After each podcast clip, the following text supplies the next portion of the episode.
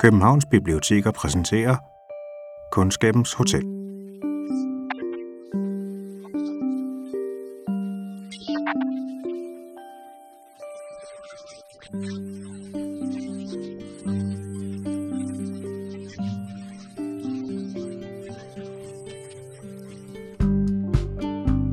Velkommen til Kundskabens Hotel, podcasten, der giver dig det bedste fra biblioteket. Den amerikanske forfatter Jim Thompson skrev grum og hardcore pulp fiction i 1940'erne og 50'erne, hvor han udgav mere end 30 romaner, oftest med en afstumpet og komisk sociopat i hovedrollen. Han var ikke respekteret som forfatter i sin tid, men er efter sin død blevet genudgivet og rost af forfattere som Stephen King og fremhævet som en ubehøvlet og bramfri ener i amerikansk crime fiction. Udover karrieren som romanforfatter skrev han screenplays i Hollywood, blandt andet sammen med mesterinstruktøren Stanley Kubrick.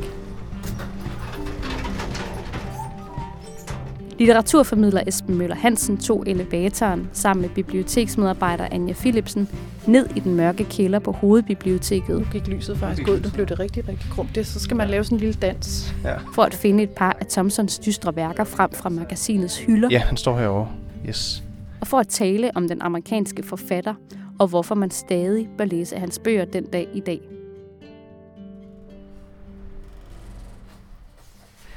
Jeg er, er en ansat her på Københavns Hovedbibliotek, og har været det i 25 år, og er en rigtig lystlæser af modbydelige og klamme og vemmelige og grumme bøger.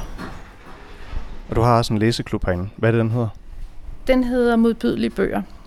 Den har eksisteret i de sidste øh, 10 års tid, og vi har læst måske omkring 70 forskellige bøger omkring rammen af forfattere, der har skrevet rigtig ubehagelige og vemmelige bøger i alle mulige former for genre.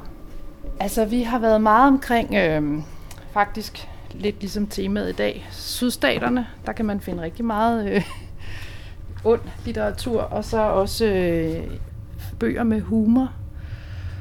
Vi kan rigtig godt lide, jeg kan specielt personligt rigtig godt lide sådan bøger, der omhandler mandshumanister. Vi skal have fat i en øh, amerikansk forfatter, der hedder Jim Thompson. Ham har I også læst i modbydelige bøger, klubben. Har I det? Ja, det har vi. Øh, der er nogen i klubben, der synes, vi har læst ham lige lovlig meget, men han har også været ret populær i vores klub. Han rammer virkelig ned i, i det, som vi, vi synes er fedt. Og hvad er det, han kan? Jamen, han kan, han kan netop, han beskriver netop øh, meget tit et, et øh, ja, det er jo meget tit i, i sydstaterne i hele taget, og så er det ofte sådan nogle små flækker, hvor at det er næsten sådan Tarantino-univers. Alle tager røven på hinanden. Alle er ondskabsfulde, onde, kyniske. Der er ikke nogen, man holder med. Og, og ofte er det sådan, i, at man er inde i hovedet på hovedpersonen, men det viser sig, at alle, alle dem, han ligesom omgiver sig med, er måske lige så altså, utiltalende i virkeligheden. Ikke? De har også rigtig meget humor i sig. I got out of bed that morning, and I shaved and took a bath, even if it was only Monday, and I was real good the Saturday before. Then I put on my Sunday go-to meeting clothes, my new $60 Stetson, and my $70 Justin boots, and my $4 Levi's. I stood in front of the mirror, checking out myself, making sure that I didn't look like some old country boy. Og den bog, hvad er det, den hedder? Men den hedder POP 1280, fordi at det dækker over den øh, befolkningsantallet, der er i den flække, som selve historien udspiller sig i. Hvad handler den om, Bob? Den handler om en, øh, en sheriff, der hedder Nick Corey, og han er en utrolig sammensat person, og det er det, synes jeg, der specielt gør den her bog ekstra fed i forhold til nogle af de andre af hans bøger. Fordi man tror i første omgang, at han er en dum blondine. Fordi han, han, han, alle omkring ham taler ned til ham, synes han er en spade, og at øh, han spiller lidt, ligesom lidt med på det. Og det er som om, at det er han godt klar over. Men det viser sig, at han er virkelig, virkelig smart, og det er tit nærmest lidt underbevidst, at han er smart. Tit så gør han nogle ting, uden at han helt har planen endnu. Han, han gør ligesom ting, hvor han sådan kan snyde sig ud af ting. Hvor han bare ved, at det her det er smart, at han lige gør det nu. Han kan egentlig ikke rigtig forklare, hvorfor. Men det viser sig egentlig at være meget fix mm. senere. Men han er altså en mand, der er utrolig stresset, fordi han, øh, han har så mange bekymringer, og hans...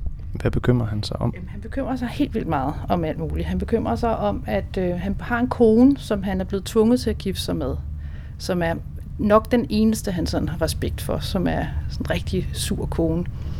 Og hun lever sammen med sin øh, lidt retarderede bror, og han er lidt i tvivl om, det overhovedet er en bror, han bor sammen med. Så han bor faktisk sammen med en anden mand også, øh, som hun påstår er hans bror.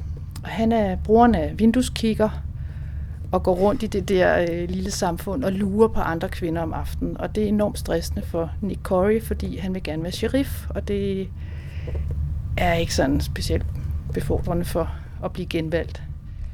Altså han, han styrer hele byen, men han styrer den faktisk overhovedet ikke, fordi han har lagt mærke til, at for at blive valgt, så skal man egentlig ikke gøre noget som helst. Man skal helst bare lade være med at anholde nogen. Man skal bare holde lav profil. Bare holde sig sådan lidt gode venner med alle og bare slappe af. Og det er det, han gør. Han er utrolig doven.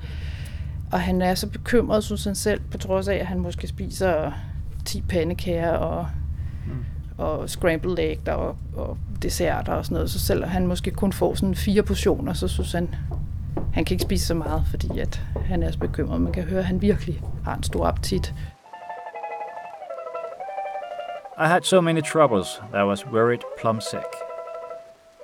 I'd sit down to a meal, maybe half a dozen pork chops, and a few fried eggs, and a pan of hot biscuits with grits and gravy, and I couldn't eat it. Not all of it. I started worrying about those problems of mine, and the next thing you knew, I was getting up from the table with food still left on my plate. Han har også en rigtig stor appetit på kvinder. Han, øh, han, det er også en del af hans bekymringer, fordi han ligesom skal skjule alle de der affærer, han har kørende. Han er åbenbart en kvindebedår, de vil alle sammen gerne have ham. Ikke? Mm. Så han er nogle gange sådan ret udmattet, når han har gået lidt på omgang sådan en aften, hvor han har fulgt en hjem, og så skal han videre til den næste, og så videre.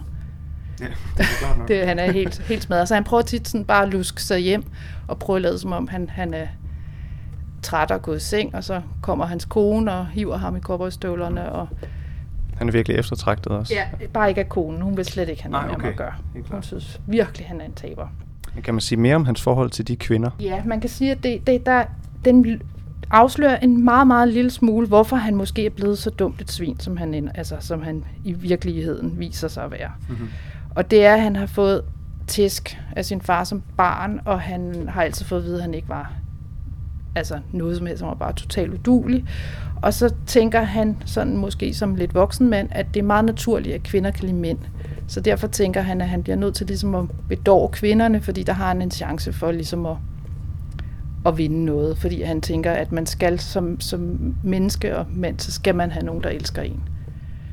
Så det, det er virkelig kvinderne, han sådan får den bekræftelse i virkeligheden. Ja. Så det er det, han, øh, han går efter, ikke?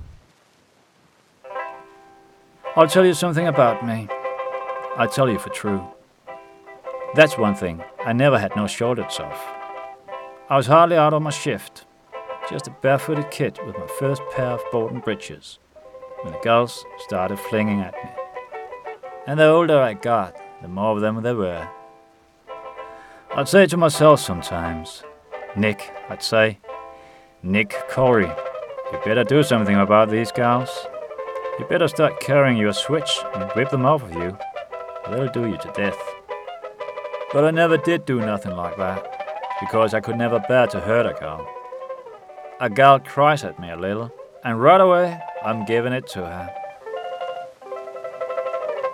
Det er hele tiden sådan nogle lidt fargo hele tiden sådan nogle forviklinger, hvor det hele bare bliver værre og værre. Altså han starter med at opsøge en sheriff i en anden by, fordi han skal lige have et godt råd i forhold til, hvordan han får nogle alfonser til lige at få noget respekt for ham. Han får ikke så meget respekt i byen.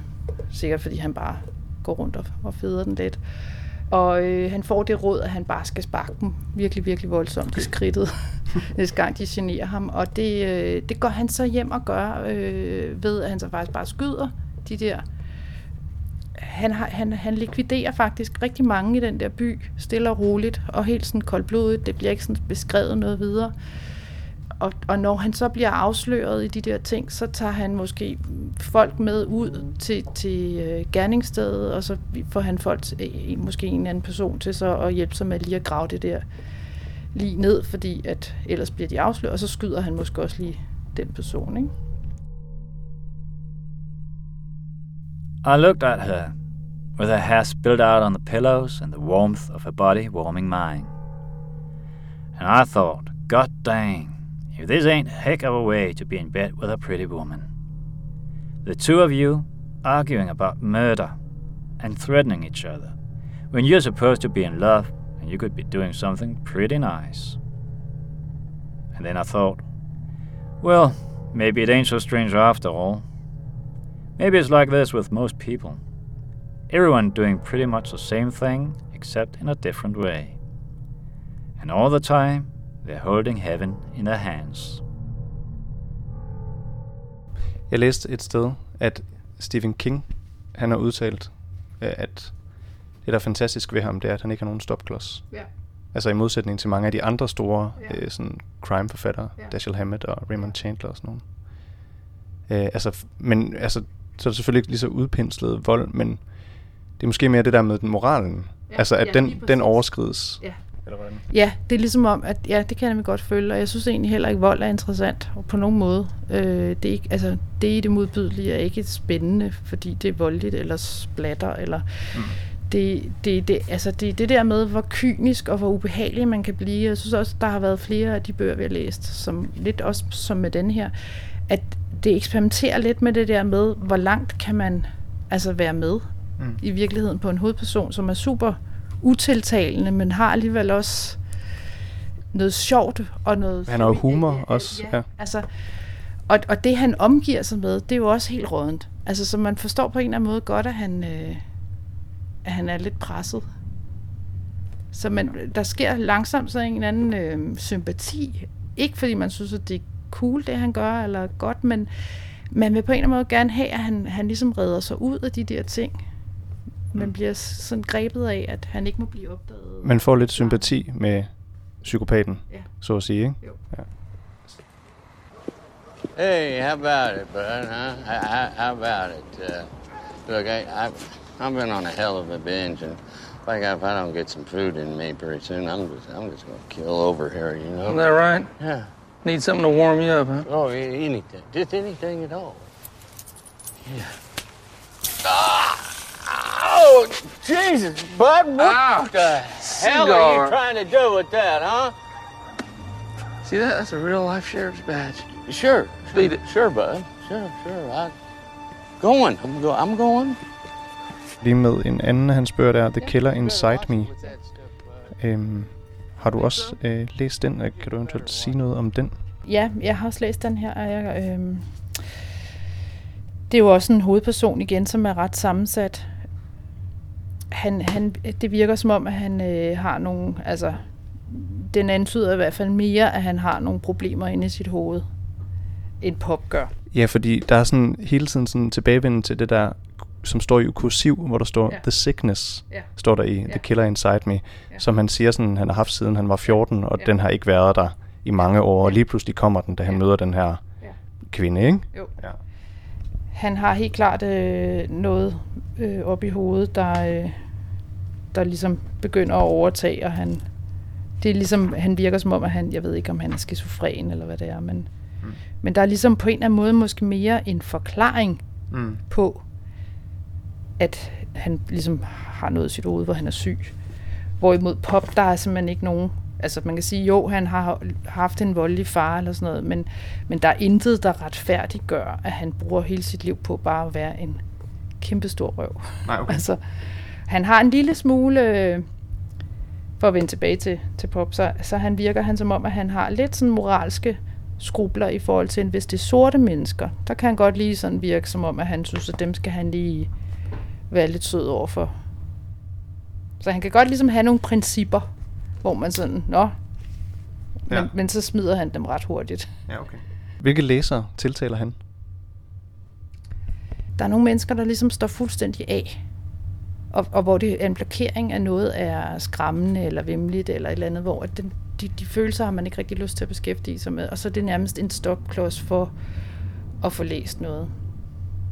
Og jeg synes nemlig, at jeg har også lokket netop veninder og sådan noget til at læse noget, hvor at de har nærmest troet, at det var værre, inden de så kom i gang med det. Men de har alligevel sådan ligget og skammet sig lidt, når de lå og læste på stranden eller sådan noget, fordi mm. at de, man begynder bare at få sådan nogle, det der netop de der tankeeksperimenter med, at man faktisk egentlig holder med personen, eller Mm.